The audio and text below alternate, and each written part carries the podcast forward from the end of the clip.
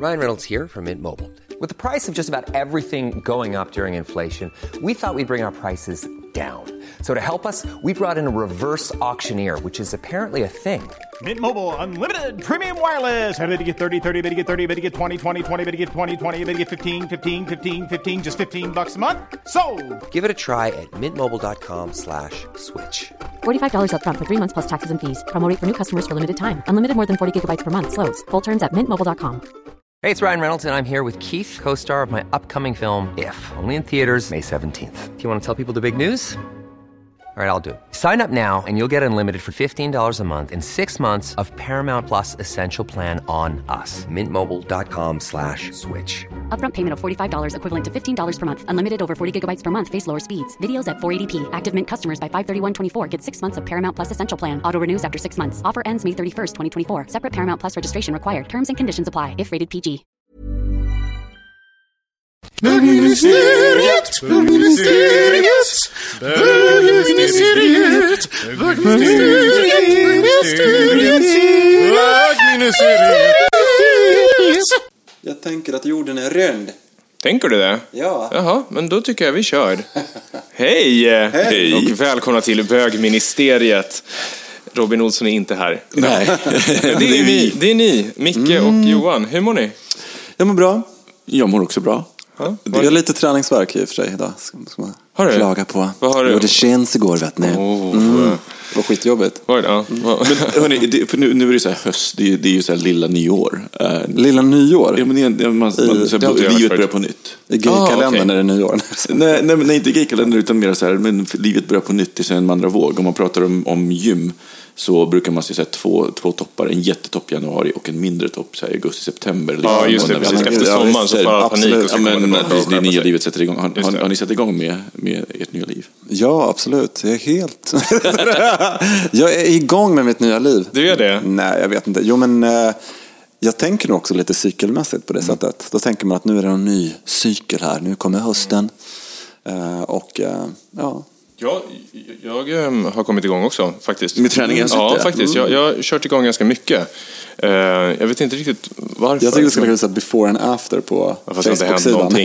Det- Det händer aldrig Ja, någonting det var ju roligt. Så här, en before så händer ingenting. Nej, exakt. Ett år senare så här, Bara, du bara, det är så här maintenance-träning. Det sa ju du faktiskt till mig när jag guilt-trippade dig om att du köpte glass efter att du hade sprungit en mil. Han bara, det är därför jag springer så mycket.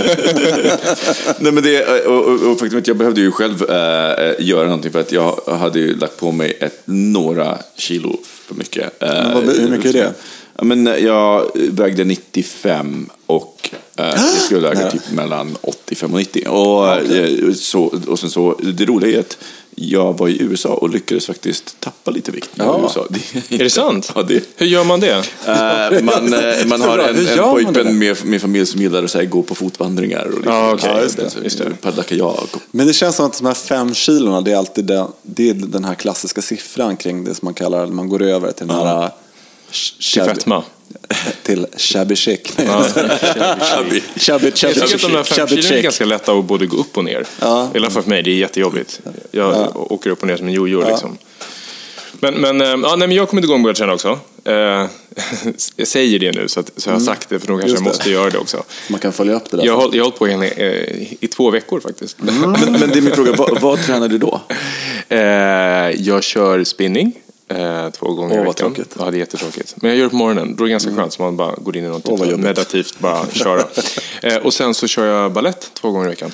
Det är ju, det är ju jättejobbigt och eh, kanske väldigt roligt också. Det är jättekul. Jag tycker att det är väldigt roligt för att det är någonting annat än att bara stå så här träna ben. För träna ben är det tråkigaste jag vet. Det är så jävla tråkigt. Men vilka är det som har ballett? Det är Sats eller? Eh, nej, det är faktiskt House of Shapes. Um, de här... House of eh, Shapes. Vad heter de? Bounce. World Class och Bounce, precis. Ah, Jenny Widegren okej. och dem, de startade ett gym när de la ner Bounce. Där typ deras idé är om att man ska kunna träna genom dans också. Så deras gruppträningar är väldigt mycket hiphop-dans. Men det, är ett, det tillhör inte en gymkedja utan det är... Jo, det är en del av, av, ehm, av World Class. Så du kan också gå dit. Oh, men jag har bara betalt medarskap för mitt eget gym. Så att jag Ah, har ja, ja. Som ligger i samma hus som du bor i. Ja, exakt. Det är så det ska vara. Ja, tjusigt.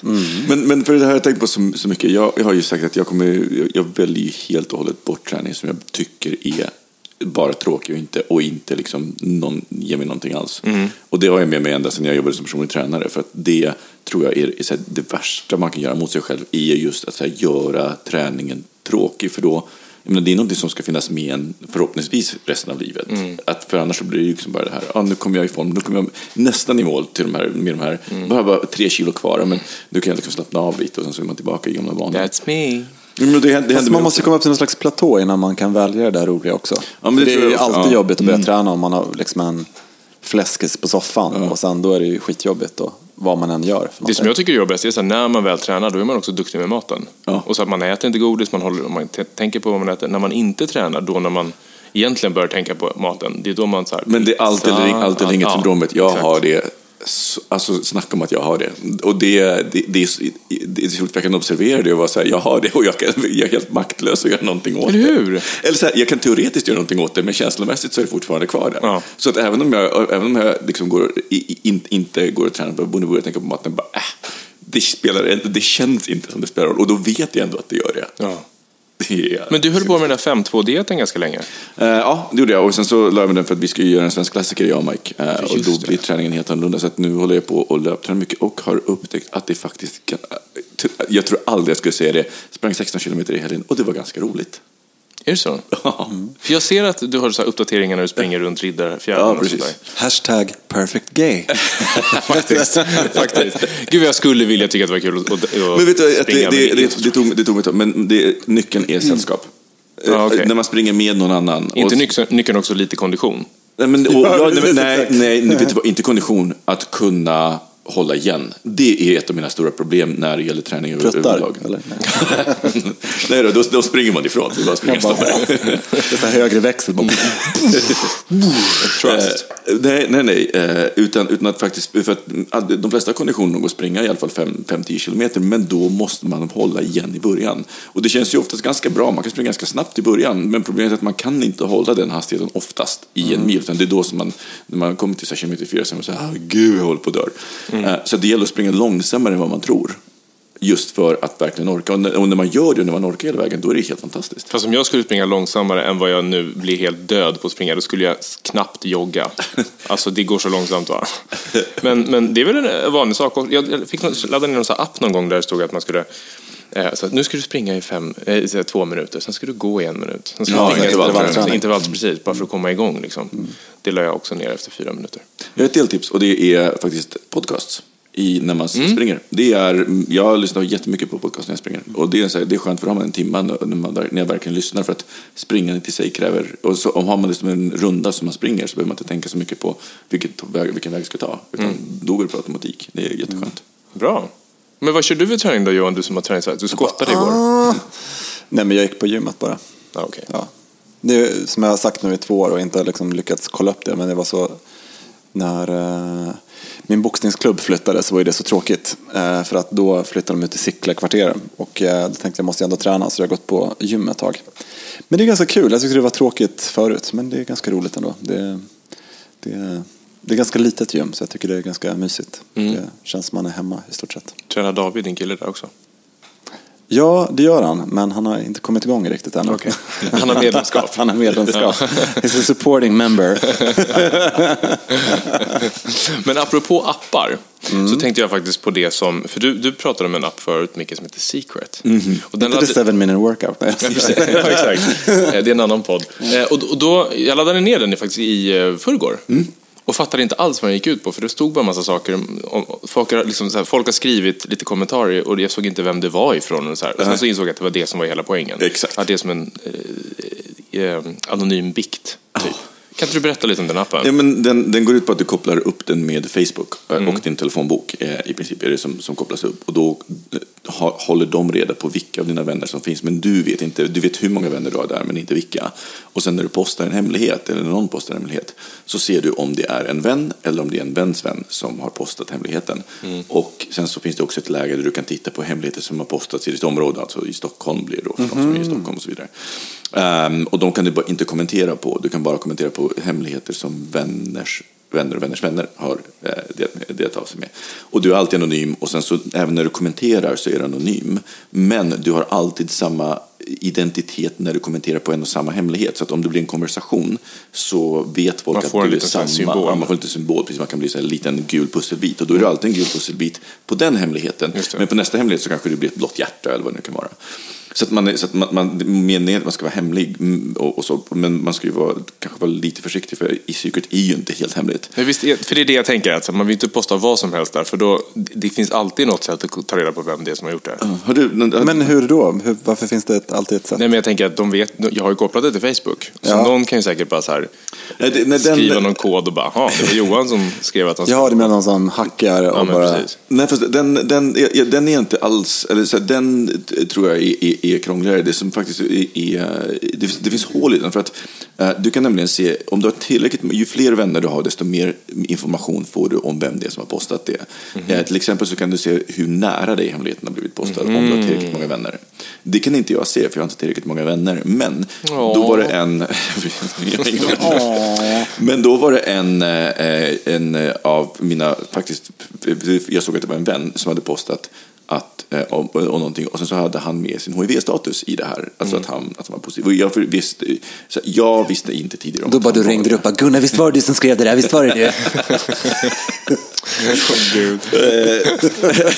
Men säg då! Säg då, visst var det du?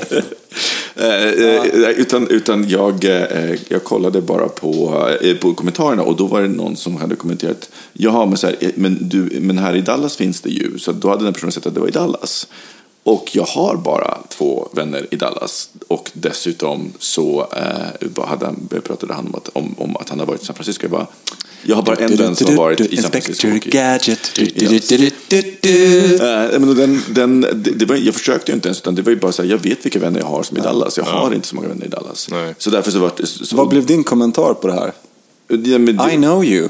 Ja, nej, jag, nej, jag, jag sa faktiskt ingenting där, men däremot så postade jag på Secret att men hörni, var försiktiga med vad ni postar för att nu har inte, jag har inga som helst problem med att Jag han älskar är att det. du går in så här, som en moderator i många av sådana applikationer. Liksom, med så här, någon slags klargörande. Så här, var försiktiga vänner med vad ni postar, för det går att dechiffrera vem det kommer ifrån i slutändan. Men i det här, ja, men i det här framförallt på en app som har det som, som affärsidé. Det är ju, Men jag tror så här, en dagbok lägger man väl framme med en dålig, dåligt lås för att någon ska bry, liksom, Alltså lyckas hela poängen med det, för, för det är ju det som är så här, om, man, om det är en riktig hemlighet som man verkligen inte vill att någon ska veta, då kanske man inte lägger upp det där heller. Ja, men det, och det är väl lite det som, som det kokar ner till. Det var därför som jag började tänka, tänka på det väldigt mycket. För jag var så här, Men jag älskar att du ändå gick in och bara skrev det. Men, men jag, jag, jag kan tänka mig att den här vännen, ja, det finns säkert anledningar för att vi känner varandra rätt bra, men det finns anledning till att han inte har berättat det för mig. Mm. Och jag tänker att, att jag tror inte att han... Men varför har han inte berättat det för dig tror du? Nu, jag tror att det är många som, jag, jag tror det är ganska många som lever med HIV som, som har drabbats av det, av det stigma. Och liksom, det är inte som en andra komma ut-process.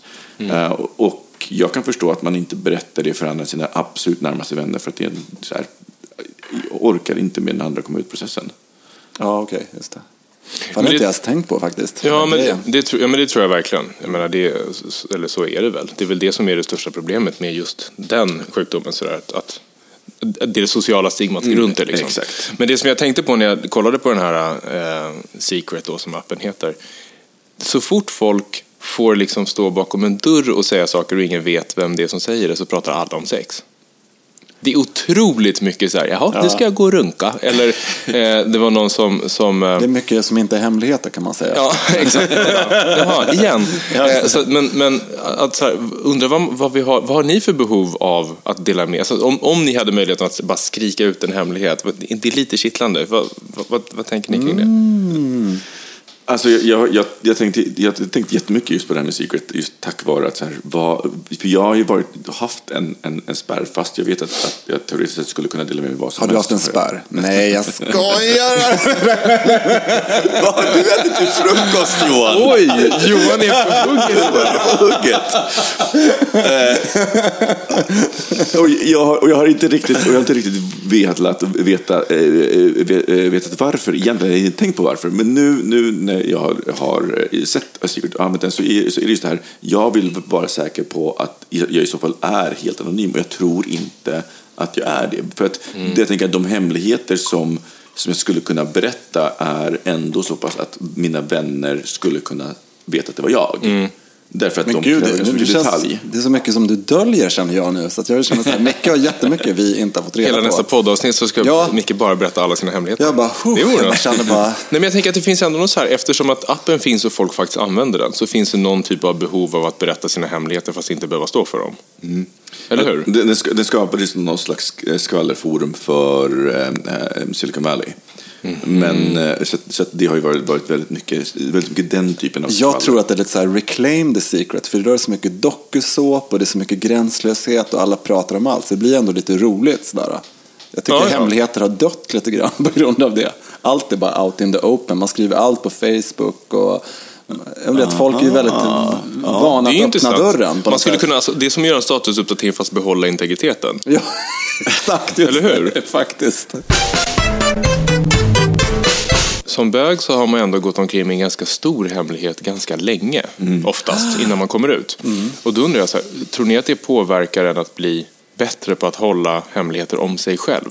För jag är ganska bra på det tror jag. Jag är nog väldigt bra på att inte... Mm. Men det där var en sån grej som vi snackade om förut med, med den här Alan Ball-boken. Mm. Att just att bögar blir duktiga på splitting. Velvet Rage. Ja, precis. Man har en splitting. Att man liksom kan eh, separera sig själv på ett sätt för att man är van att hålla den här hemligheten. Så man har har en van, van känsla för att kunna liksom helt plötsligt stänga av en sån bit i Mm. ett sammanhang. Eh, Så det kan väl vara en sån eh, färdighet, kanske. Mm. men, men, men jag, tänker också, jag tänker också att jag tror spela att man, blir, att man blir bra på... eh, För någonstans i det så kan jag också se att, att, att bögar ändå har varit duktiga, i alla fall liksom i, i, i tidigare, på att ha, ha den här hemligheten gentemot, och framförallt kanske gentemot straighta och, och, och gentemot omvärlden. Men för varandra ha liksom ett, ett sätt att visa det, vare sig det handlar om om, om eh, liksom, intressen eller ord man väljer att använda. Alltså det har funnits en typ av kodspråk så att man ändå delar med sig av hemligheten till de som är insatta. Och det är ju därför som, tror jag, som den klassiska gaydar kommer. Ja, just det. Att man kan, Alltså man att, att du kan fastna på någons gaydar och det gör du ju genom att med- medvetet och omedvetet så att säga dela med dig av saker. Eh, Jag, för jag har nämligen en teori om att eftersom att vi har varit ganska, eller jag var i alla fall väldigt skraj att min hemlighet skulle komma ut innan jag valde att liksom berätta om det. så formade det mig ganska mycket som person också. Sådär. Eh, och jag undrar om, och det i kombination med att det är lite kittlande med, med Secret-appen. Så att det är kul att höra om andras hemligheter. Så här.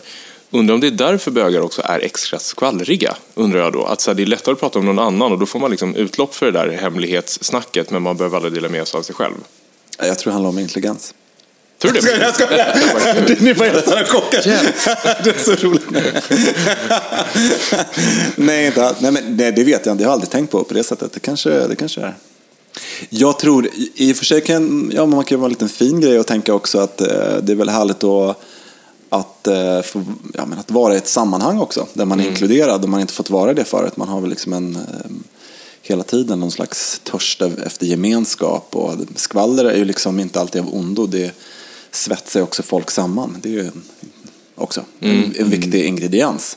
För skvaller kan ju vara liksom gulligt, vänligt, ungefär som man känner varandra väl och säger så här, men nu har han gjort det där igen. Eller du vet sådär, typiskt honom eller typiskt henne och sådär. Så Just det. det, det är ju liksom ett lite vänligt skvaller liksom. Jo, men det finns det ju såklart. Vi var så fikade och nu satt han med sin negativa attityd som igen. Liksom. Ja. Det kan man ju säga ett tag om det har varit så. Liksom. Det behöver inte betyda att det är ett illvilligt skvaller. Liksom, utan Nu satt han där och igen. Ja, men man pratar om varandra. Alltså, det kan ju vara olika saker. Ja. Det är, För jag tänker den här liksom, väninnan som man alla hade på högstadiet. Ja. Som, som var liksom skvallertackan. Liksom sådär. Alltid rolig att umgås med, men man, förtro- man sa ju ingenting själv till den personen. Nej, man visste att det var liksom en megafon ut till Ja, alla det. andra. Men det är ändå ganska kul att vara omgiven av en sån person som babblar, tycker jag. Jag tycker det är jättespännande. ja, men det är för att oftast det händer saker. Ja, det är väl kanske det är väl också. Ja. som på, på något sätt därför att eh, den där skvallerpersonen har ju oftast ett väldigt stort socialt umgänge och rörlighet på något sätt. Så man träffar ju människor med skvallertackan också på något sätt. Det är oftast en håller vi många bollar i luften. Mm. Just helt det. enkelt. Så att det tror jag. Men jag tänker, jag tänker, något som jag tänker på är också att det finns o, lite olika typer av hemligheter. Det finns en, de som är förenade med skam, eh, alltså sådana som egentligen då kan bli vapen mot en. Sen så finns det ju hemligheter som man, av andra, som man eh, berättar kanske inte alltid att när man vet om att man är gravid för att det är lite för tidigt. Den är Ja, det, och det kan man ju säga ibland säga att det är en hemlighet. Att hon mm. vet en hemlis Freja är gravid. Eller. Ja, men precis. Att, och, så det finns liksom hemligheter, det finns olika anledningar som man, som man, som man håller hemligheter. Eh, och jag tänker att nå- någonting som jag faktiskt aktivt försökt göra det är att alla hemligheter som kan användas som vapen mot mig, det vill säga som är förknippade med skam, har jag alltid försökt att, att verkligen äga just för att de inte ska kunna bli vapen mot mig. Jag tänker det mest klassiska exemplet det jag har pratat om förut i, i podden i, när jag råkade posta värsta porrlänken utan att mena det på så här Twitter, Facebook och alltihopa. Och jag fattade inte det på 20 minuter förrän på, jag bara så här fick fram och så här, måste kolla vad fan folk pratar om. Så bara, Men jag tänkte på det här med, hem, med hemligheter. Vi kom in på den här appen och så. Men, men hemlighet tänk, känner jag på någonting som, någonting som man vill... Eh, eh, man vill skydda någonting hos, hos sig själv. Men samtidigt så vill man kanske dela det med nära och kära. Det kan ju vara så här grejer att man är gravid. Eller det kan ju vara såna grejer att eh, man helt plötsligt berättar att ja, men min pappa satt i fängelse. Såna grejer som man inte vill ska komma ut för att det som händer är oftast när en hemlighet kommer ut. Det är då den blir skvaller helt enkelt. Ja, precis. Och det är då den kan börja att på riktigt faktiskt förgöra eh, olika situationer på något sätt. då. Och, Och relationer. och relationer på något sätt. Så det är väl det som är är grejen, att, att det, det är väl det som den här appen att, att den, som den här dagboken som någon råkar läsa eller att det kommer ut i familjen att hon hade skrivit att hon hade fått sin första mens. Nej, men det, är så här, då, det är då det blir den här grejen, att det, att det, det händer någonting mellan, med relationer och det blir skvaller och det förgör någonting. Men, men jag tänker också att de, de, de är ju, alltså de är ju så att säga, vapen, eller de har makt för att de är just hemligheter. Ja. Så jag tänker att, om man då, jag tror att det beror på hur mycket man äger det, hur mycket man står för Jo, det. för det handlar ju om sidor som man kanske har, som jag tänker så här, att, eller det, det som, som vissa kanske har som hemligheter är ju kanske för att man vill behålla en syn av sig själv. Liksom. Eller sen, den synen som andra har på en själv eller något sånt. Så tänker jag. Jag menar, det så, så, att ha hiv till exempel, om det är en, en hemlighet, så är det ju för att eh, man, eh, som du säger, man vill inte ha den här andra komma ut situationen. Eh, och då är det en hemlighet som man har för att skydda sig själv för de här eh, sammanhangen med kompisar och vänner eller man kanske inte vill att någon ska förändra synen på en eller liknande. Och det, sånt kan ju bli det, en, har man sagt till eh, någon vän att det här är en hemlighet, jag vill inte att du berättar det här för någon annan, då är det ju en hemlighet. Men när man bryter det löftet, då blir det ju ett skvaller helt plötsligt. Och då kan det ju vara så att man förstör för den människan för att eh, eh, det kanske är till och med så att den, här, eh, den som är hiv-positiv håller på att dejta någon just då. Helt plötsligt så kommer det i fel timing på något sätt. Den kanske vill berätta det själv. Så att utgången kan bli på massa olika sätt på grund av det. Så det är väl det som jag tänker att så sen finns ju de här fjanthemligheterna som också finns. Hemlisarna. Hemlisarna helt enkelt. Men om man ska prata om hemligheter, då är det ju någonting som sätter saker på spel. Bra, det tycker jag vi tar en jingel på. Ja. Men Johan, du berättade förut att du hade berättat någon hemlighet här för Ja. inte så länge sedan för några kompisar. Kan, kan inte du berätta, vad, vad, du behöver inte berätta vad hemligheten var för någonting. Nej, men- nej, det behöver jag inte. det Måste jag inte? Nej, Nej, nej, men lite sådär eh, sammanhanget. Hur kommer det sig att du berättade det? Ja, men, alltså, jo, men på riktigt så kände jag så att, att det var ju en hemlighet. Och så kände jag så att det var lite roligt att dela, få dela med sig av den på något sätt också. Att det var en sån här grej att jag kände att jag faktiskt hade en hemlighet. Som var lite kul att dela med mig av. Och eh, det var ju så här att det var så kul att eh, jag messade en kompis först och det var verkligen så bara, jag dör! Du vet, när man får såna här liksom, reaktioner.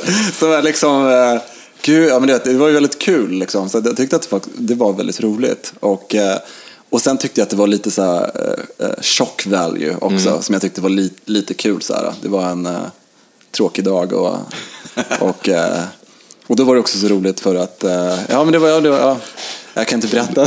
jag bara, så var det så roligt för att, nej, nej men det var, och det var verkligen en bra hemlighet. Men, och hur kändes det efteråt då, när du hade fått reaktionerna, jag dör och allt sånt? Ja, just det. Nej men, nej men då tyckte jag det var kul för det var roligt att dela med sig eh, utav den och eh, ja, jag kände mig elak och stolt.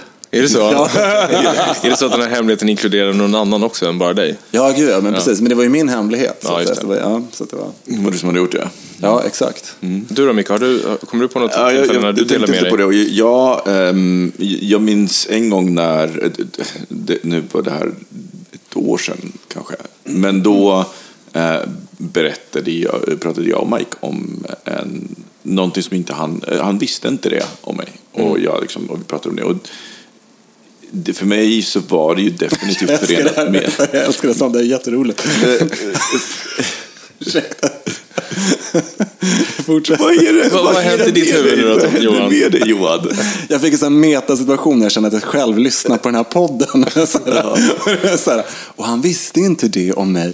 Och det det var lite Ja, kul. Och då men- kände jag att jag vet inte heller det här om dig. Så jag kände också att Jo, det är nej, nej, men, så nej, men med, så här, mina, många av mina vänner eh, eh, vi, visste det. Så det var, men, men Mike hade inte vetat det och vi pratade, eh, vi pratade om det. Och det var en... Eh, alltså det, det är så otroligt jobbigt därför att eh, den här hemligheten var förenad ganska mycket tror jag, skam. Eller, det, det, den, det finns ett skambeläggande kring den. Eh, och Kliar det när man har den här hemligheten? det finns ingen medicin, det finns inga mediciner för det. Eh, och då, eh, och det, det, var ju, det var ju väldigt speciellt, eh, just det här till- tillfället. Men jag måste samtidigt säga att, att det, jag, jag tycker att det är häftigt därför att när, när det tas emot rätt så bygger det ju en, en relation. Därför att man, man det, det Man bjuder på sig själv, man sig själv, man blottar strupen och så vidare. Ja, och jag tror att, liksom att just, jag, det är också de hemligheterna som jag har svårt för. Jag funderade liksom på någon hemlighet som jag skulle kunna berätta i, i podden, men de, liksom all, allting det som jag tycker är jobbigt att berätta har ju att göra med sårbarhet, svaghet eller skam. Ja. Eh, menar, annars, annars, så, annars tycker jag ändå att jag inte har några, några hem, eller, så, hemligheter som jag bara säger, gud, det här kan inte jag berätta. Utan de är bara, de är bara förenade liksom med att antingen att jag, att jag på något sätt är sårbar eller med, med skam. Men det är ganska skön känsla när man väl har gjort det då. När man har delat med sig av det. För att, om man gör det i rätt situation så att säga. För då, då kan det ju bli, antingen gör man det som shock value som du gjorde då, Johan. Eller, eller med syfte att faktiskt komma någon närmre. Och det, det är ju ett väldigt bra Ja, för jag tänker Jag rånade verktyg. en bank. Precis. Tycker du om mig nu? Nej, men jag, tänker, jag tänker att det finns också, att det finns också en annan, och det, det någonting kan, kan bli en, en hemlighet outtalad, det är om någonting händer. Eh, och du vet, någon, någon situation som är, som är jobbig eller pinsam och man liksom inte tar tag i den. Och då blir det en hemlighet. Och det är ju å andra sidan någonting som sliter jättemycket på, på en relation. Trots att bägge två, kanske bägge två eller alla inblandade var med om det och, liksom, och gjorde det. Men om man, inte, om, om man bara försöker så här, men det nu pratar vi inte Det om pratar vi inte om. Ja. det har ju den tvärtom effekten. Och, så att jag, och den situationen har jag också varit med om. Och, där har liksom, där, och där är jag väldigt glad att, på en gång, att vi på en gång pratade om det istället för att bara, som det kan, skulle kunna vara väldigt lätt att säga nej men det här skjuter vi under stolen, det där kommer låtsas som det aldrig har hänt. Så, eh, så det, det, är ett, som ett, det, det är ett väldigt tvegat svärd. Eh, är det. Men gud, jag älskar, jag, såg, jag älskade att kolla när, på slutet på 80-talet och början på 90-talet på eh, när man var hemma från skolan på Ricky Lake, för då är det så nytt med amerikansk Go, tv. Och då Go, handlade det Ricky. jättemycket om hemligheter egentligen. Och det bästa var ju avsnitten, eller avsnittet var ett som jag kommer ihåg speciellt, där eh, det var svarta killar som dejtade skitsnygga tjejer. Och sen så eh, var de i, eh, i serien och så säger så här Ricky Lake så här bara Tanya, she has a secret. Eh, och sen så mm, har de sett och prata i, liksom, så här, i showen. Och sen så, och så, fast det är ju så hemskt. För att det, undrar om, vissa, om det var lite skådespelat eller om det var sant i vissa sammanhang. Så här, hon bara, I'm a man.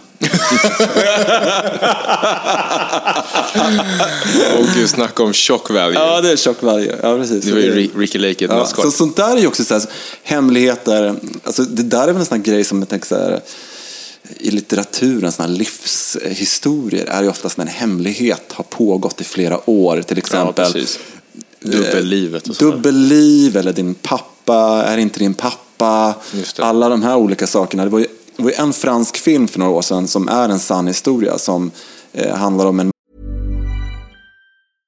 This is Paige, the co-host of Giggly Squad, and I want to tell you about a company that I've been loving, Olive and June. Olive and June gives you everything that you need for a salon quality manicure in one box. And if you break it down, it really comes out to $2 a manicure, which is absolutely insane. It's also so easy to get salon worthy nails at home with Olive and June. The difference between how your nails used to look when you did them yourself and now with the Manny system is a complete game changer. The best thing about Olive and June too is it's a quick dry, dries in about one minute, lasts for five days, and full coverage in up to one to two coats. Visit oliveandjune.com slash perfectmanny20 for 20% off your first system. That's oliveandjune.com slash perfectmanny20 for 20% off your first system.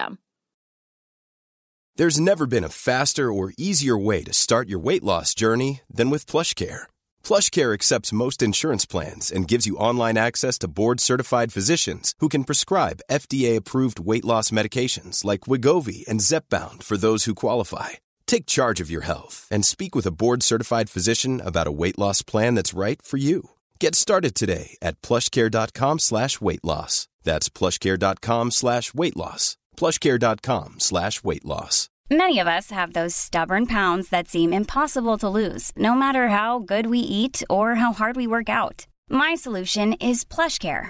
PlushCare is a leading telehealth provider with doctors who are there for you day and night to partner with you in your weight loss journey. They can prescribe FDA-approved weight loss medications like Wagovi and Zepbound for those who qualify. Plus, they accept most insurance plans. To get started, visit plushcare.com slash weight loss. That's plushcare.com slash weight loss.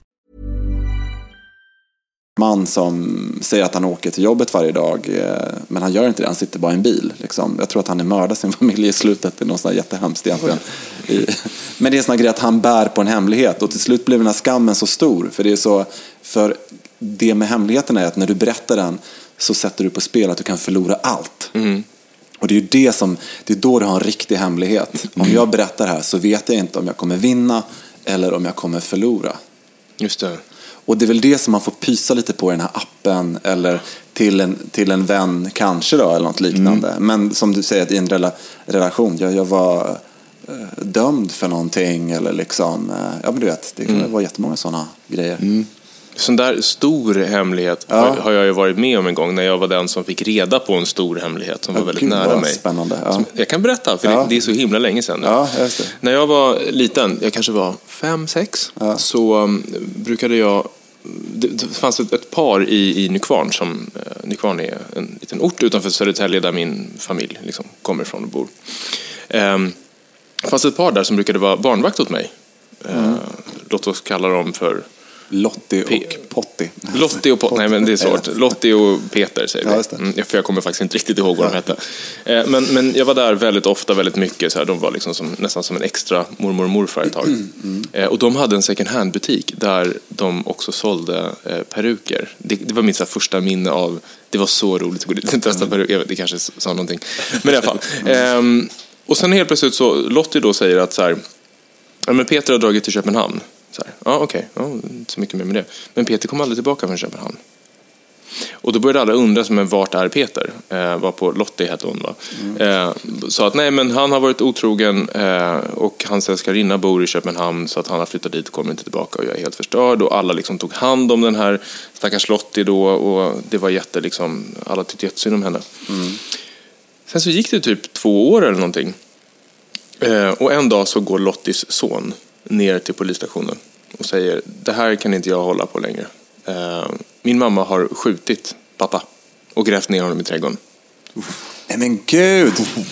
Varpå det såklart blir världens polisuppbåd. Men det här måste man kunna googla. också. Ja, ja, det finns, Ja, det finns precis, för det var, så här, det var en stor nyhet då. Liksom. Ja, men just det. Då har hon alltså skjutit honom med en hagelbössa, grävt ner honom i trädgården och sen eldat upp honom så att det enda som fanns kvar av honom för liksom the forensic team att hitta, det var en tråd från en operation som han hade gjort, för den hade inte brunnit upp. Och så han tog bort benen och sånt där. Så att, så att hon hade skjutit honom och sonen hade hjälpt till och grävt ner honom. Och, det var, och då är det så här, tydligen då en lång historia av liksom, eh, misshandel och alkoholism och liksom så här, en jättetragedi. Ja, liksom. det. Men det var verkligen så här, när vi fick reda på det, eller när jag fick reda på det, Eh, jag kommer inte ihåg hur jag reagerade då, men så här, efteråt när jag fattade liksom vad det faktiskt- som faktiskt hade hänt, så blir, inser man ju också att vi tror att vi känner människor runt omkring oss, men alla bär på hemligheter och vissa är så pass stora så att man till och med har liksom grävt ner dem i trädgården så att säga.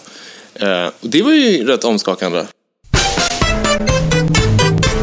det här ser jag, jag tror just när det gäller de här riktiga hemligheterna, det är då det liksom nästan blir litteratur och film av det Ja, men hela. precis. liksom, Exakt. För jag- jag man kan kommer tänka på det av- Det är utifrån- som mo- mordmysterier och deckare, och så här, det är ju hemligheten. Mm. Att folk ljuger hela tiden.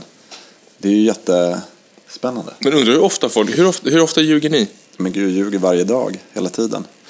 det gör ja. Nej, men jag tror att, att om man ska prata om det, för att ibland så, det, jag tror det är ett sätt att ibland att, eh, speciellt när man jobbar och så här, för att man ska komma vidare i olika grejer, man säger halvsanningar och sånt där, för att det handlar inte om att man har någonting att dölja, men att man orkar inte gå in på detaljer, för då skulle man prata jättemycket. Eh, med folk. Precis som man säger så här, eh, jag måste lägga på nu för jag ska precis parkera, fast man har parkerat sagt redan. gånger. Ja, men redan, alltså, man gör såna liksom, alltså, det är bara för att eh, man, man, vilken en töntig lögn på något sätt, liksom. men man gör sånt. Det, Fast det, jag det var intressant, för det, jag, nu påminner mig om att jag läste precis här veckan eh, om en tjej som eh, gick på någon yoga, yoga retreat. Och eh, där skulle hon skriva flera löften. Och vi skrev på flera löften. Var att, eh, ett löfte var att inte ljuga. Och när hon kom dit så fick hon reda på att de här löftena gäller för resten av livet. och hon tog det bokstavligt. Och var så här, okej, jag ska sluta ljuga. Så hon slutade ljuga och två år senare så skriver hon en jättebra krönika om vad som hände med henne. Och det är otroligt intressant. För hon, hon sa det att det har... Alla människor är förolämpade. Nej. Nej, nej för, för, hon sa det- för, för det är ju en skillnad mellan att tala sanning och att alltid säga det du tänker på. Mm, ja, men det, är så att det, det är inte så att man måste vara så här, men gud vilken ful tröja du har. Eh, utan då kan man snar, kanske snarare inte säga någonting alls eller fokusera på någonting annat. Men hon sa att det är, alldeles, det är fullt möjligt att göra och att det har förbättrat alla hennes relationer. Eh, har det gjort. Eh, Och också fått henne att tänka på andra sätt. Hon tänker efter mer när hon svarar nu. Och, men svarar alltid sanningsenligt. Det är väldigt intressant. Vi länkar den i, i, i Acast. Gud vad svårt det skulle vara. Ja, jag tänkte också det, men jag så blev här- låter väldigt väldigt sugen på att prova. att hänga med tycker jag. Ja, men, för det, för, men det är ju intressant, för det finns ju de som då tolkar det här med att men jag ska vara öppen och ärlig med att jag ska säga precis allt hela tiden. Och det är ju vidriga Det är människor. vidriga människor. Ja, men det håller jag med om. För det, man har ingen rätt att liksom säga till någon annan, men gud vilka fula skor du har. Om inte de har frågat. Men jag tänker att just för mig är ärlighet, det, handlar, det, det är tvärtom. Det är så här, om någon frågar, men ser jag tjock ut i den här? Hon, då, hon säger, men bara, då, "Ja, drar lite." inte, då drar inte hon den vita lögnen, utan det hon säger, ja vet du, du kanske ska ta den här istället. Alltså det är den typen, det, det är det som, som egentligen hennes text går ut på. Usch, jättejobbigt i början. Fast å andra sidan, en sån människa vet man ju alltid vad man har henne. Yes, och det var Det precis är det så som... tryggt och härligt. Vad sa du? Det är så ja, tryggt och härligt. jag vill hellre att någon säger nej, du är jättesnygg. Så får jag se tjock ut. Ja, jag tror det där är svårt. Jag tror det där är liksom en guldvåg, liksom, hela det där sättet. Att, för det är ju lögnen och hemligheten tillhör liksom sociala kittet. Det är ju inte en känsla. Utan det är inte så att man bara, nu känner jag någonting och då bara spyr jag ut det på något sätt. Eller det tillhör ju liksom ett, ett socialt sammanhang så att man också inte blir helt awkward på Men, något sätt. jag, men, jag, jag, förstår, men jag, förstår, jag förstår vad du menar, men för mig så, så är det så här, en lögn, den enda gången som jag i så fall skulle ljuga, det är ju om någon ställer en fråga. Mm. Och då kan jag ju säga, men vet du vad, den frågan kan inte jag, den frågan vill inte Men om någon säger på. så här, ser tjock ut i den här tröjan, då kanske man ändå vill vara gullig mot den personen och säga så här, nej men jag tycker du är jätte, jättefin, jag, jag tänker inte på dig som en tjock person. Ja, men, ja, men, och, Alltså, men är det ja, men liksom det så är här- absolut. Och, men det är när jag tittar på den en- personen så tänker jag att ja, du, jag tycker att du är tjock. Men varför ska jag säga det? Ja, men om, jag tänker att om, om någon frågar, Ja. istället för fråga. Fast man frågar ju kanske inte alltid för att man faktiskt vill ha svar. Nej, men det är därför jag menar, det blir komplicerat. Det blir liksom riktigt Förstår så här, det blir någon dia- Alltså- bokstavsdiagnos känner jag plötsligt. att man bara, ja du ser jättetjock i den här tröjan, byt ut en hela din garderob, inget du haft på den här veckan har passat. Bara, tack, tack för ärligheten. Vill du följa med mig och handla så att jag köper rätt kläder? Ja, det gör jag. Men det skulle ju sluta med att så här, om man är runt en sån person så skulle det ju sluta med att man typ slutar fråga sådana saker. Alltså jag skulle ju, om, om du Jag var en sån som faktiskt var helt ärlig hela tiden, skulle inte jag fråga dig om du tycker att jag ser tjock ut. Men Alltså, det är ju det, mycket- Men, ja, nej, precis. Fast då... Det där märker jag också utav. Men alltså, för, för, vänta, det här, Ja, förlåt, det här men det är här är ju väldigt spännande därför att det här är ju att förutsätta att sanningen är fin. Och att det är bra med sanning. Det är Ja. ju inte alltid det. Eller hur? va? Men, men jag tänker att om man, om man så ska klä upp sig en kväll och, så, och så står man framför och så kan man inte bestämma sig och så är man så här, men ser jag tjock ut i den här? Om man inte vill se tjock ut. Men Nu utgår vi från att liksom så, men man vill inte se tjock ut. Men alltså, du- gud, va, va, alltså förlåt, men vilken vän säger nej, det gör du inte. Nej, men- och så nej, gör men- man det och så går man runt och så bara, Nej, men man kanske är så här, nej jag tycker inte... Men inte alls. Det är bra för det. Ganska många kompisar tror jag säger sånt. Let's go Ja, out. vad svårt. Ja. Ett dilemma alltså. vad var det jag skulle säga? Jag vet inte, vad skulle du säga? Eh, nej, men jag tror, nej det, det var bara det där tror jag. Ja. Ja. Nej, men, jag- alltså, men jag tänker så här, det är också på situationen. Jag menar, om det är så att vi ska ut på någon, Johan har bjudit in oss på nästa Elgala eller något så här flådigt som, Mm. som bara du går på. Och så får vi följa med och sen så frågar du så här, men kan jag ha den här? Och, och, och, eller jag frågar eller någon frågar. Och så ser man personen i fråga ut ser ut som en kassler. Då tänker man så här, Ehm, då skulle man ju inte tillåta att den personen går ut så, utan då skulle man ju försöka lägga fram det på ett sätt att mm, den är ganska fin, men den här kanske är bättre. Alltså sådär. Men, men ser jag tjock ut? Ja, det gör du. Här kommer Robin Olsson. Robin Olsson. Hej Robin! upp i det här. Hej! Vi pratar om om det är okej eller inte att säga, om någon frågar ser jag tjock ut, Fast- att då svara så här, ja, det gör du, för att man är ärlig. fast, vet du, fast nu, nu, nu kommer vi in... Nej. Nej. men det finns en jättefin skjorta som du kanske borde testa istället. Nej, men, nej, men, vet, nej, men vet du vad? Jag, alltså, jag tycker, jag tycker, nej, för jag tycker att det är så otroligt otydlig kommunikation. Och jag blir, jag gillar inte otydlig kommunikation när jag måste gissa. Att när någon säger att, ja, du kanske ska, det är så här, men vänta ett tag, är den här snygg eller inte? Jag vill veta för att jag frågar dig för att jag litar på dig, jag tycker att du har bra smak. Om, om man sen då håller på liksom så här, då blir det så här, men då vet jag inte om den är snygg eller inte. Nästa gång när jag så här, inte har dig att fråga, då blir jag osäker. Kunde jag ha den här med, med någonting annat eller kunde jag inte alls ha den? Det är därför jag kan tycka att det är så otroligt skönt med någon som bara, nej vet du vad, du kan inte ha den där. Men jag säger ju det till Mårten jätteofta. Jag bara, ska jag, ska jag ha den här tröjan? Han bara, nej det tycker jag inte. Då blir jag förbannad på honom. Blir du? Jag Ja. älskar när Mårten gör sådär. Nej, det tycker jag inte. Men vem är du säga till mig vad jag ska ha på mig, tänker jag då, vilket är helt idiotiskt eftersom det var jag som frågade. Men det är ändå så här, ibland så ställer man ju en fråga bara för att få validering och inte för att man vill ha sanningen. Eller det är ju jag i alla Ja, fall. jag, förstår det, men jag, Gud vad intressant. jag har aldrig... Jag, Det har jag aldrig, aldrig hört. Jag har aldrig, nej, jag har aldrig tänkt på, att, på, på, på det. För att jag tror att när jag ställer en fråga så är det så här, jag, jag, kan, jag kanske, jag, jag kanske så här, anar vad svaret blir och att det är ett svar jag inte gillar, men jag vill ha svaret. Så att, du vet, jag, inte, jag ställer den inte för valideringens skull, utan Nej. det, det är lite skräck ibland, förtjusning ibland. Och så här, så jag, och, och, då kan jag tycka det är jobbigt, med att vilja... fortfarande... Så att jag har faktiskt inte ens tänkt på, på, på den aspekten. Och jag, det här kan jag också tänka beror på så här, vad, um, vad som står på spel. Alltså så här, om, det- om, det, om det är frågan nu, ser jag tjock ut? Så, så är det Står ju min ändå... självkänsla på spel? Ja, men där står det ju lite självkänsla på spel ifall att det är så ett, att man har ett issue för att man inte vill vara tjock. Liksom. Men om, om eh, Thomas C skulle fråga vill du följa med till Sanctuary igen, då har jag inga problem att säga i helvete heller. För det är ingenting som på något sätt definierar mig som, eller ja, det kanske visst gör, men, men sådär, förstår du vad jag menar? Där finns det ju ingen, det finns ju ingen ehm, sårbarhet i det. Vad, vad säger du? Tom? Står en löneförhöjning på spel? Spel? Då kanske man inte säger det. Men man ljuger väl fastare? Ja, ja men precis. Ja, men så är det ju. Och vi har just konstaterat att vi ljuger varje dag. Jag, jag ljuger också varje dag. Jag så att du inte känner dig ensam, Johan. Nej, Nej, men det, det är jag också. Jag, jag, men jag tänker att jag tror att det skulle vara intressant att prova på hennes. För jag tror inte att man måste vara okänslig, och det är hon som hon skriver om också. Att Man måste inte vara okänslig, man måste inte vara elak, eh, utan det handlar om- att vara mer eftertänksam och mer, mer närvarande ofta. I, i när, när folk ställer frågor. Jag skulle nästan vilja så här, challenge Ja, för det där, jag har ju en, en kusin, hon är gift med en nepales. Någon från Nepal? Ja, precis. Just det. Och eh, där är det intressant kulturellt, därför där kan man ju säga, vad- gud vad tjock du är. Och, så, och det är inte, uppfattas inte som någon eh, förolämpning, Nej. utan det är bara ett konstaterande. Det märkte jag också när jag Ja. var i, i Bangkok och skulle Ja. handla och frågade har ni den här i min storlek? Då tittade de på mig och sa nej, vi har inte elefantstorlek. All right. right, herregud. Jaha, hörni. Ska vi byta ämne? Ja, jag, eh, jag har en bra grej, för jag lyssnade eh, faktiskt i morse på en eh, podcast. Och Som heter? eh, Som heter TED Radio Hour. Eh, som handlar om att ta TED-talks och anpassa dem till radio. Så intervjuar de också TED, eh, de som gjorde TED-talks så man får lite mer Ah, bakgrund. okej. Och, och då var det en som pratade om förändring och hur vi ser på, på, hur vi ser på oss själva. Mm. Och hur vi, när folk får frågan hur mycket har du förändrats de senaste tio åren så säger folk ofta att vi har förändrats ganska mycket. Mm. Och sen så får folk gissa på hur mycket kommer du förändras de närmaste tio åren. Och då säger folk, då säger folk ganska lite. Och jag var så här, hmm, vad intressant. Och Mm. då visar sig att 18-åringar och 50-åringar gissar att de förändras, kommer förändras lika mycket på de kommande tio åren. det vill säga nästan inte alls. Eh, Medan alla känner att man förändras jättemycket på de, eh, på de tidigare tio åren. Och det är oavsett om de är, är då 50 eller Men fanns det någon slutsats kring det här Ja, resultatet? Nej, ut- eh, de, de, de håller fortfarande på att studera det här för det är så intressant. Men det som är slutsatsen är att vi, vi litar mer på vårt minne än på vår fantasi.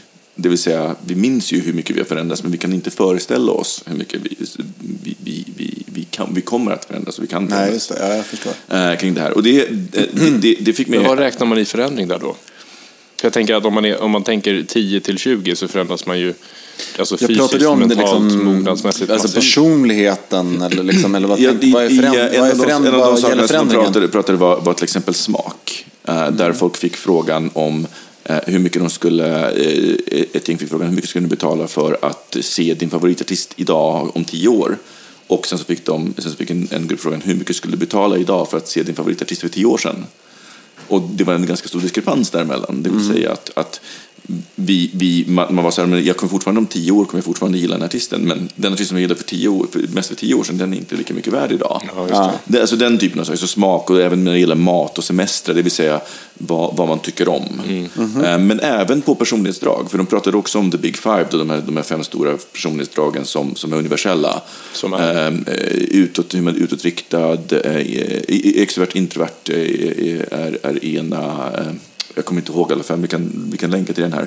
Men det, det, heter, det kallas för the big five och det är alltså fem egenskaper som alla har. Som, som, som, Det som, låter lite som en reklambyrå håller på med. Jag tänkte att du Ja, skulle men känna till det. Ja, nej, inte alls faktiskt. Ehm, och, och, och, och det fick mig att tänka på att shit, jag tror verkligen, alltså jag insåg bara så här, men jag, jag, det, det gäller ju verkligen för mig. Jag kan ju säga att jag har förändrats jättemycket de senaste tio åren.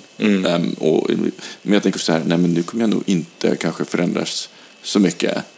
eh, kring det här. Och det det leder mig på så här, dels det här med att kunna acceptera förändring och också fundera på hur mycket har jag förändrats egentligen och vilka stora förändringar eh, som, som jag har gått igenom. Och, ja, men lite, lite, de, lite de tankarna. Va- Och då, då är jag lite nyfiken på så här, vad, är den, vad är den största, enskilt största förändring som ni har genomgått sig, de, om man ska ta de senaste tio åren?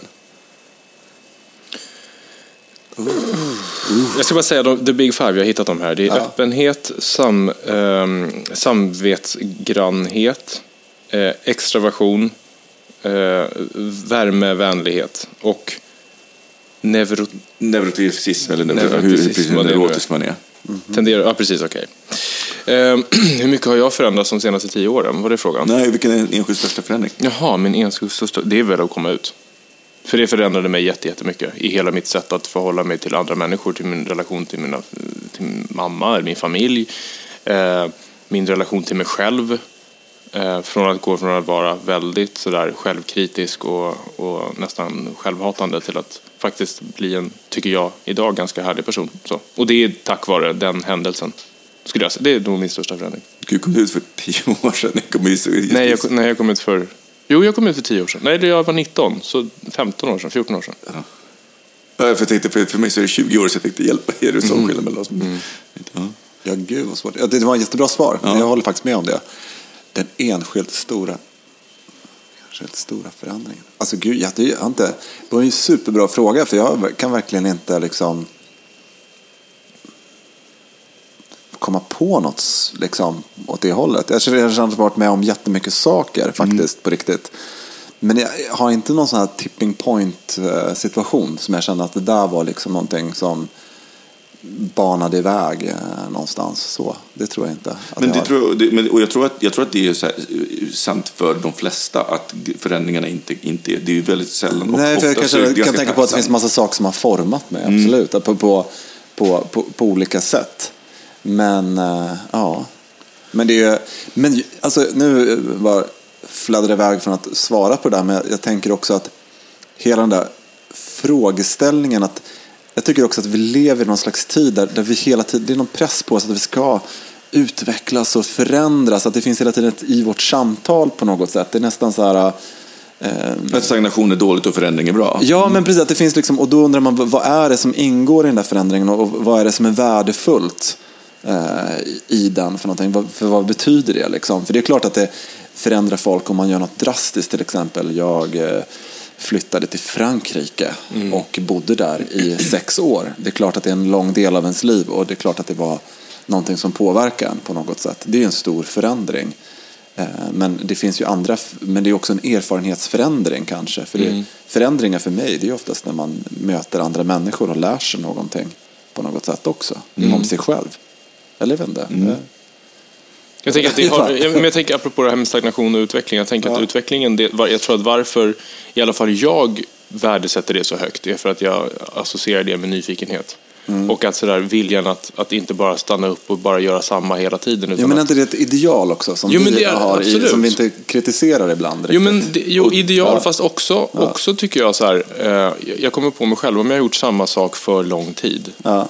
Så tröttnar jag på det. Det blir liksom ingen ny input, det blir ingen, ingen Berätta om någon stimulans. sån sak som du har gjort för länge som du tröttnade på. Ehm. Nej men jag har ju inte gjort det, alltså så här, eftersom att jag har hela tiden drivits till att, att inte stanna för Ja, länge. men då, då har du ingen erfarenhet av det. Du har inte Jo, men jag har ju erfarenheten av att jag- leda, till exempel. Nej, inte till leda, men till att det börjar lukta leda, då drar jag. Ja, okej, men det är därför jag vill höra ett exempel. Ja, men... Eh, gud vad svårt. Ja, men det är därför, jag min poäng är att, att, det finns en, Fan, att det finns en tankebild hela tiden. Att, att man är, för att det är viktigt för oss. Det, det är att vara fräsch och, och nyfiken och häftig. Det är att komma på nya saker hela tiden och drivas av det på något Men, sätt. jag, och Mm. jag håller med dig, men det är så intressant för att du pratade om utveckling, men, men vi pratade från början om förändring. Och jag, jag vet att Absolut, det, man jag drar ganska ju- ofta Ja, paralleller det, men precis, det är sant, det är mellan, mellan dem. Ja. Och jag kan, ju, jag, jag kan ju säga att det är en skillnad på förändring och utveckling. För förändring behöver inte nödvändigtvis betyda att man ut, utvecklas. För utveckling Nej. liksom, kan jag se liksom, ja. Men den här frågan som var kring de här personerna. Hur kommer du förändras tio år Ja, framåt? det, då, då, liksom? då, då var det framförallt, man tittar på deras fråga om så här, hur tror du att din smak kommer förändras? Kommer du eh, gilla att resa till samma ställe? Kommer Ja. du att äta samma sak? Kommer du att lyssna på samma?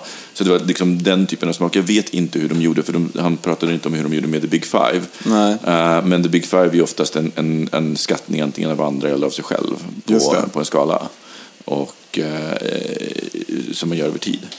Ehm, men, men, men för, för jag tänker också just det här att förändras på, eh, när man tittar på The Big Five så förändras folk faktiskt överlag ganska lite. Ja. Eh, Efter, en, efter en viss ålder så, så stabiliseras man. Och den enda som har förändrats det är just vid stora traumatiska eller stora förändringar. Det är de som triggar också förändringar i, i ens... Eh, Ja, men det där har jag också hört när det gäller när man pratar om eh, liksom psykisk sjukdom och alla möjliga olika sådana saker. Att det finns någonting som ändå kallas hos varje människa en karaktär. Mm.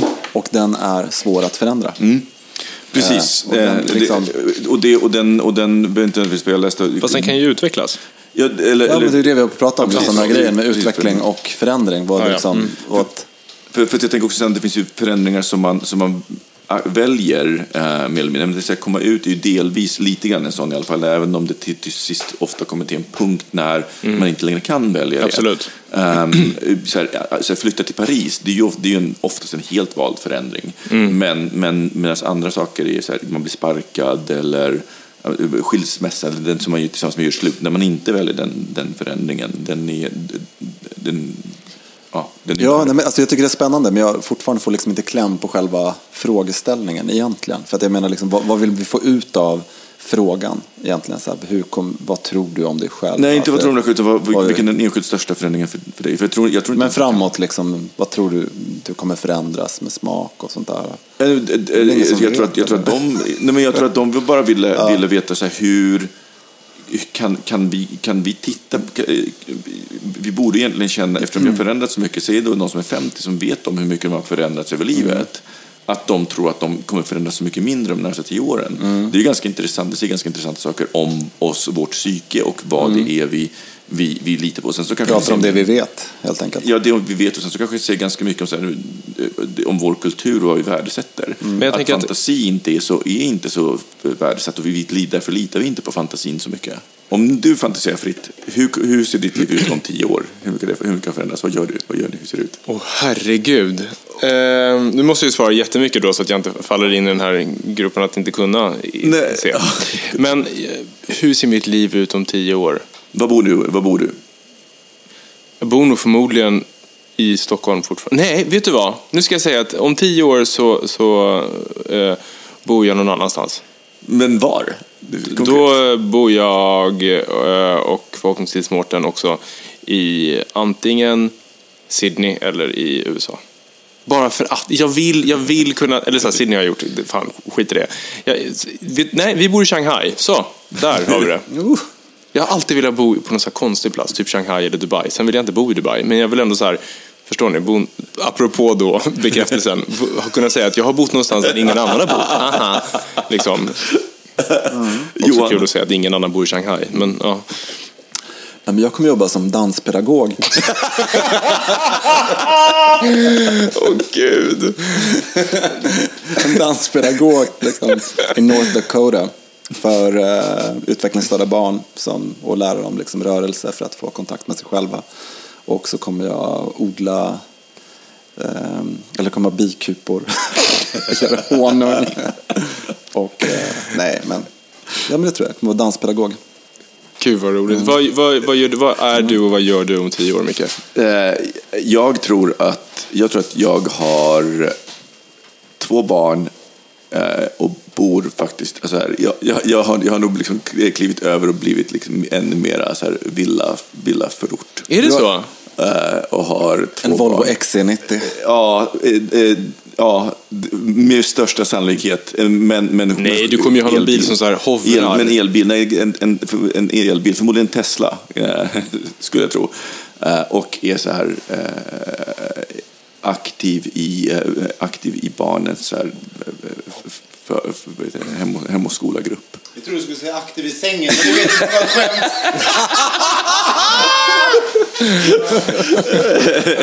väldigt bra Robin. Ja. Är det så alltså?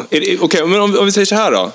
Vill du vara danslärare i North Dakota om tio år? Jo, men på, på riktigt för att man ska önska sig olika saker och, och tänka framåt förändring så är det väl kul att göra någonting som öppnar en helt annan värld. Jag skulle kunna tycka det var helt häftigt att gå in i ett annat område. Men det är ju en önskedröm och det är därför jag tror att det är svårt. För att, för att det du säger är ju en slags klassisk grej som, är, som låter mysig och trevlig och, och är görbar förstås. Liksom. Men jag kan tycka det här med att en, en förändring framåt, det vore väl helt fantastiskt om man satt och var danspedagog någonstans. Och, ja, men du vet, eh, ja, varför inte? Ja. Vill du bo i Bromma? Nej, det, är faktiskt, det här är faktiskt en skräck, en extremt skräck. Det är väldigt mycket skräck. Jag, jag kan se framför mig hur, hur vägen, att vägen skulle kunna leda dit. Och att jag skulle hamna och faktiskt gilla det då. Men jag tror att, jag, jag tror att det är lite så här.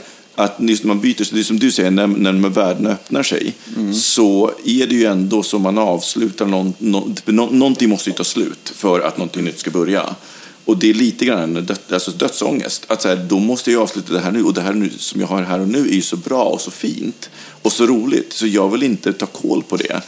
Eh, jag tänker, kan tänka att det är lite grann som att ha... Men, jag föreställer mig folk som har ångest för att somna för att man så här, tappar medvetandet. Och liksom Jag får lite ångest av att tänka framåt hela tiden. Jag blir så stressad över det. Att man ska liksom komma på något så här häftigt att säga. Mm. Bara, vad gör du om tio år? Berätta på sådana arbetsintervjuer. Så Ja, den, den frågan, har, den frågan jag slipper det. hatar jag.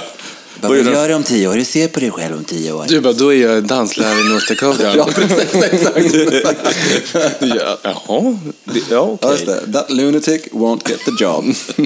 Eller kanske. Ja. Precis. Ja. Hörni, ska vi avsluta där? Ja. Eller förlåt, du kanske inte var klar med din... Jo, ja. Du var färdig. Ja, vad bra. Men då gör vi så här att eh, vi tackar så mycket för idag. Mm. Eh, och som, då upprepar jag det som Robin alltid brukar göra, nämligen att snälla om ni tycker om oss, gå in på iTunes och rate oss, för då kommer fler att kunna hitta oss. Då hamnar vi högre upp i listor och så syns vi lite mer. Mm. Eh, Pengar! och så får vi pengar, skriker Robin. Det här programmet kommer också komma i Directors Cut som är 50 minuter längre. Det släpper vi nästa vecka. Eh, så tills nästa vecka, eh, prata med oss på Facebook, likea våra bilder på Instagram, retweeta våra tweets på Twitter och mejla oss på hej bogministeriet.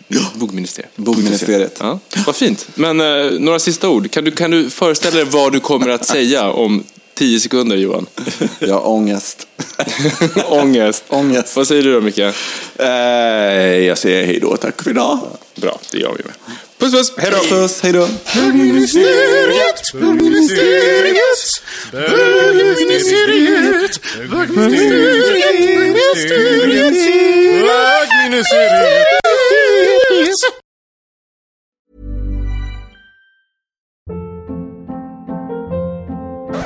That? Boring. No flavor. That was as bad as those leftovers you ate all week. Kiki Palmer here, and it's time to say hello to something fresh and guilt-free. Hello Fresh. Jazz up dinner with pecan-crusted chicken or garlic butter shrimp scampi. Now that's music to my mouth. Hello Fresh. Let's get this dinner party started. Discover all the delicious possibilities at hellofresh.com. Even when we're on a budget, we still deserve nice things. Quince is a place to scoop up stunning high-end goods for 50 to 80% less than similar brands. They have buttery soft cashmere sweaters starting at $50, luxurious Italian leather bags, and so much more. Plus, Quince only works with factories that use safe, ethical, and responsible manufacturing. Get the high-end goods you'll love without the high price tag with Quince. Go to quince.com/style for free shipping and 365-day returns.